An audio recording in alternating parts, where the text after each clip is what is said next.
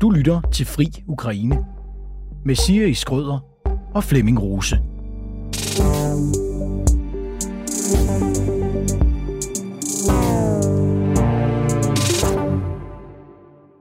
Kære lytter, velkommen til afsnit 95 af Fri Ukraine. Mit navn er Siri Skrøder. Jeg er ny vært på podcasten. Ellers er alt egentlig, som det plejer. Flemming Rose, du er i studiet. Tak for invitationen, Siri. Altid. Godt, at du er her. jeg er glad for at være her. Og så har vi i dag besøg af dig, Adam Holm. Det er også rigtig dejligt, at du har tid til at være her. Velkommen til. Tusind tak. Tak for invitationen. Adam, du har udgivet en bog sammen med fotograf Jan Graup. For egen regning kan jeg sige, at dine skrevne beretninger er gribende, nærværende, og først og fremmest synes jeg, at de var enormt menneskelige.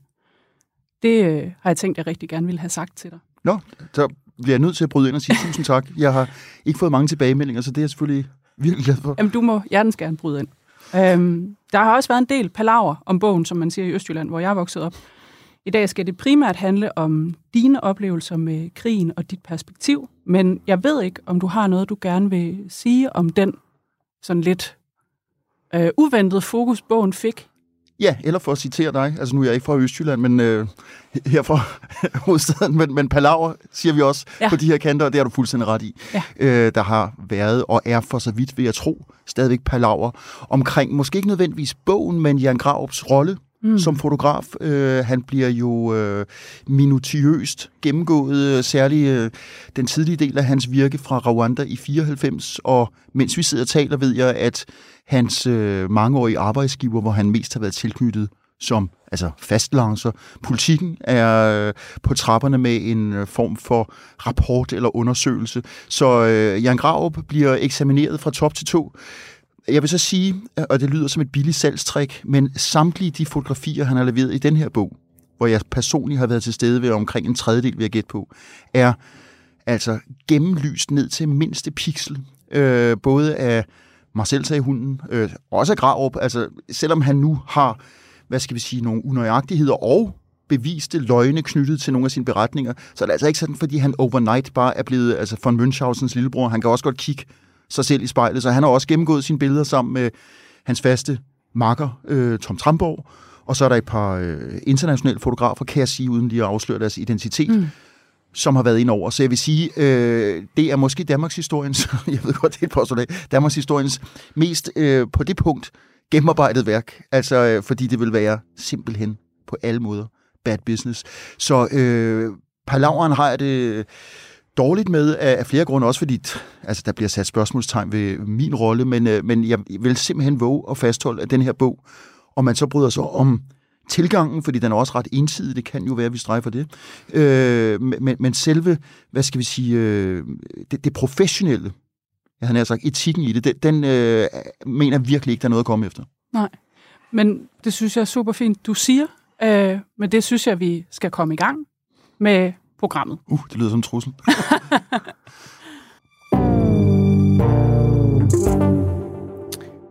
I sidste uge stemte det københavnske byråd nej til at lade rådhuset oplyse i hvid og blå som en støtteerklæring til Israel.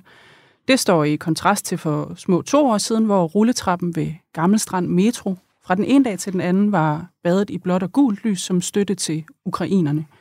Det var for egen regning, kan jeg sige, en en rørende situation at stå ud til om morgenen, men også noget, der fik mig til at tænke over, at på et tidspunkt ville de lys jo slukke. Flagene i flagstængerne ville blive færre, og det samme med venskabsnålene i politikernes revær. Og det er lidt den tid, vi er i nu, oplever jeg. Og det samme, Siri, skynder jeg mig lige at tilføje, undskyld, jeg hopper mm. lidt ind og ud, men altså alle de der udsagn, som øh, folk skrev til hinanden, og endda, altså det eneste ukrainske, nogen af os nogensinde har kunnet sige, er Slava Ukraini. Helt sikkert. Og ved du, hvor det kommer fra? Øh, ikke nøjagtigt, nej. Okay. Men det kommer rent faktisk jo fra de uh, ukrainske fascister. Altså banderisterne? Ja. Stepan Bandera? Ja. ja.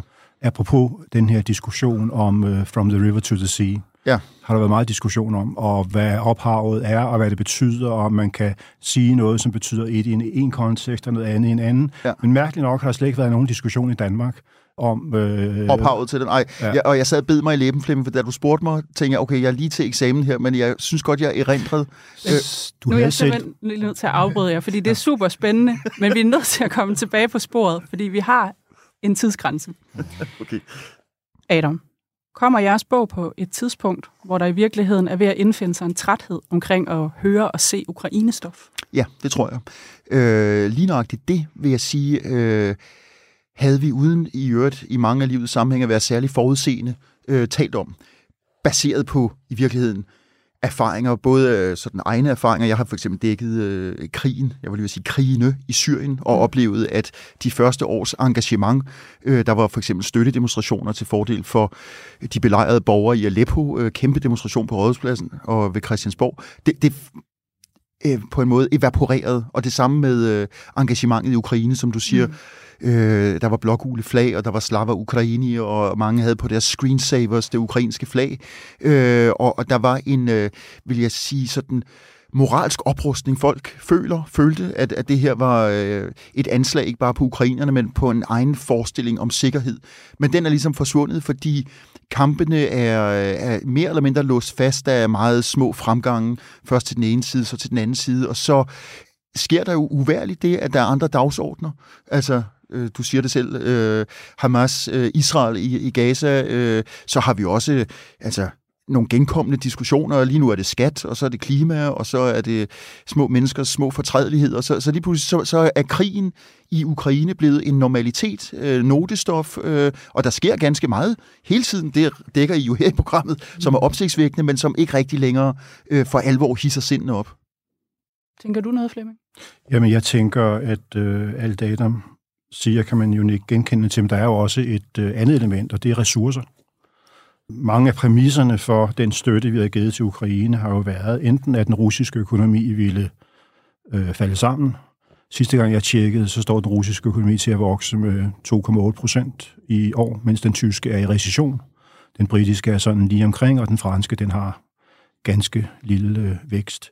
Og det andet var, at øh, vi har hele tiden sagt, jeg har hørt fra embedsmænd, øh, han har sagt fra nær fjern, at øh, lige om lidt, så løber russerne tør for ammunition. Lige om lidt, så løber de tør for raketter.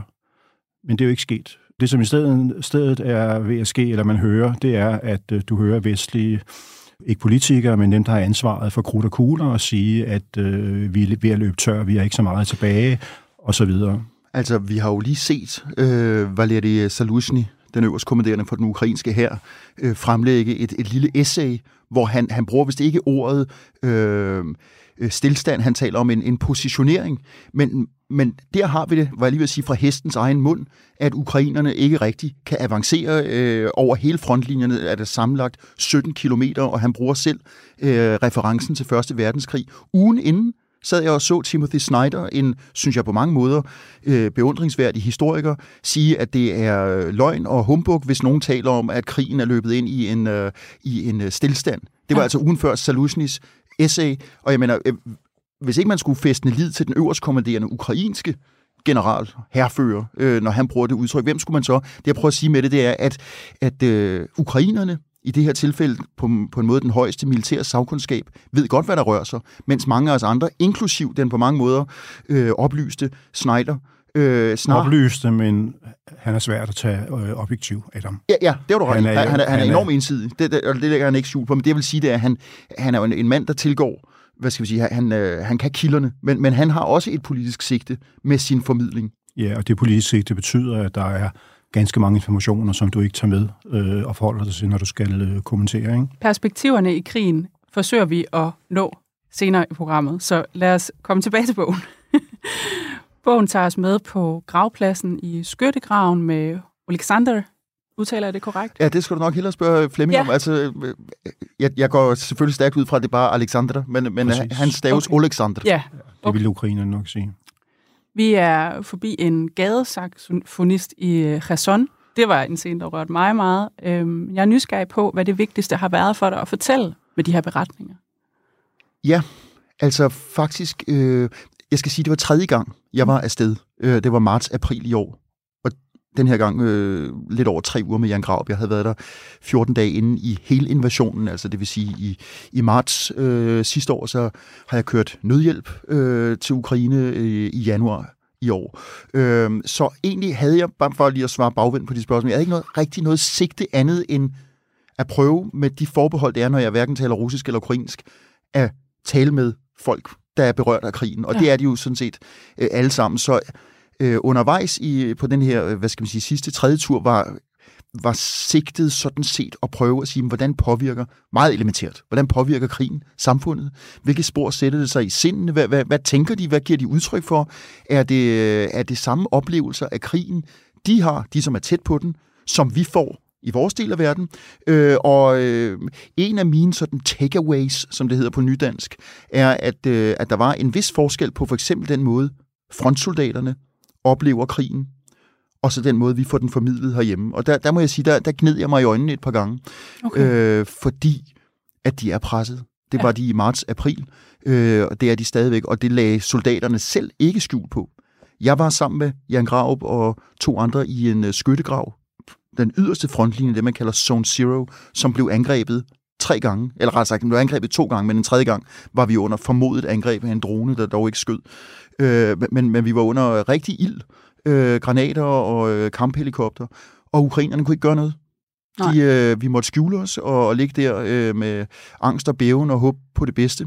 Øh, og, øh, og det, at de ikke kunne retaliere, som det hedder, det, det, var, det var sådan et af flere tegn på, Flemming var sådan set inde på det før, at, at ressourcerne er presset. Ja. Det er de for ukrainerne. Og der havde det lidt sådan, okay, det er altså en del af krigens virkelighed. Tak fordi du lyttede til dette uddrag af Fri Ukraine. Hvis du kunne lide det, du hørte, så kan du høre resten af episoden og mange flere i Frihedsbredets app, hvis du bliver medlem af Frihedsbredet. Som en lille bonus får du her en rabatkode, der giver dig den første måned til halv pris. Du skal bare bruge koden Ukraine, når du opretter dig på frihedsbrevet.dk.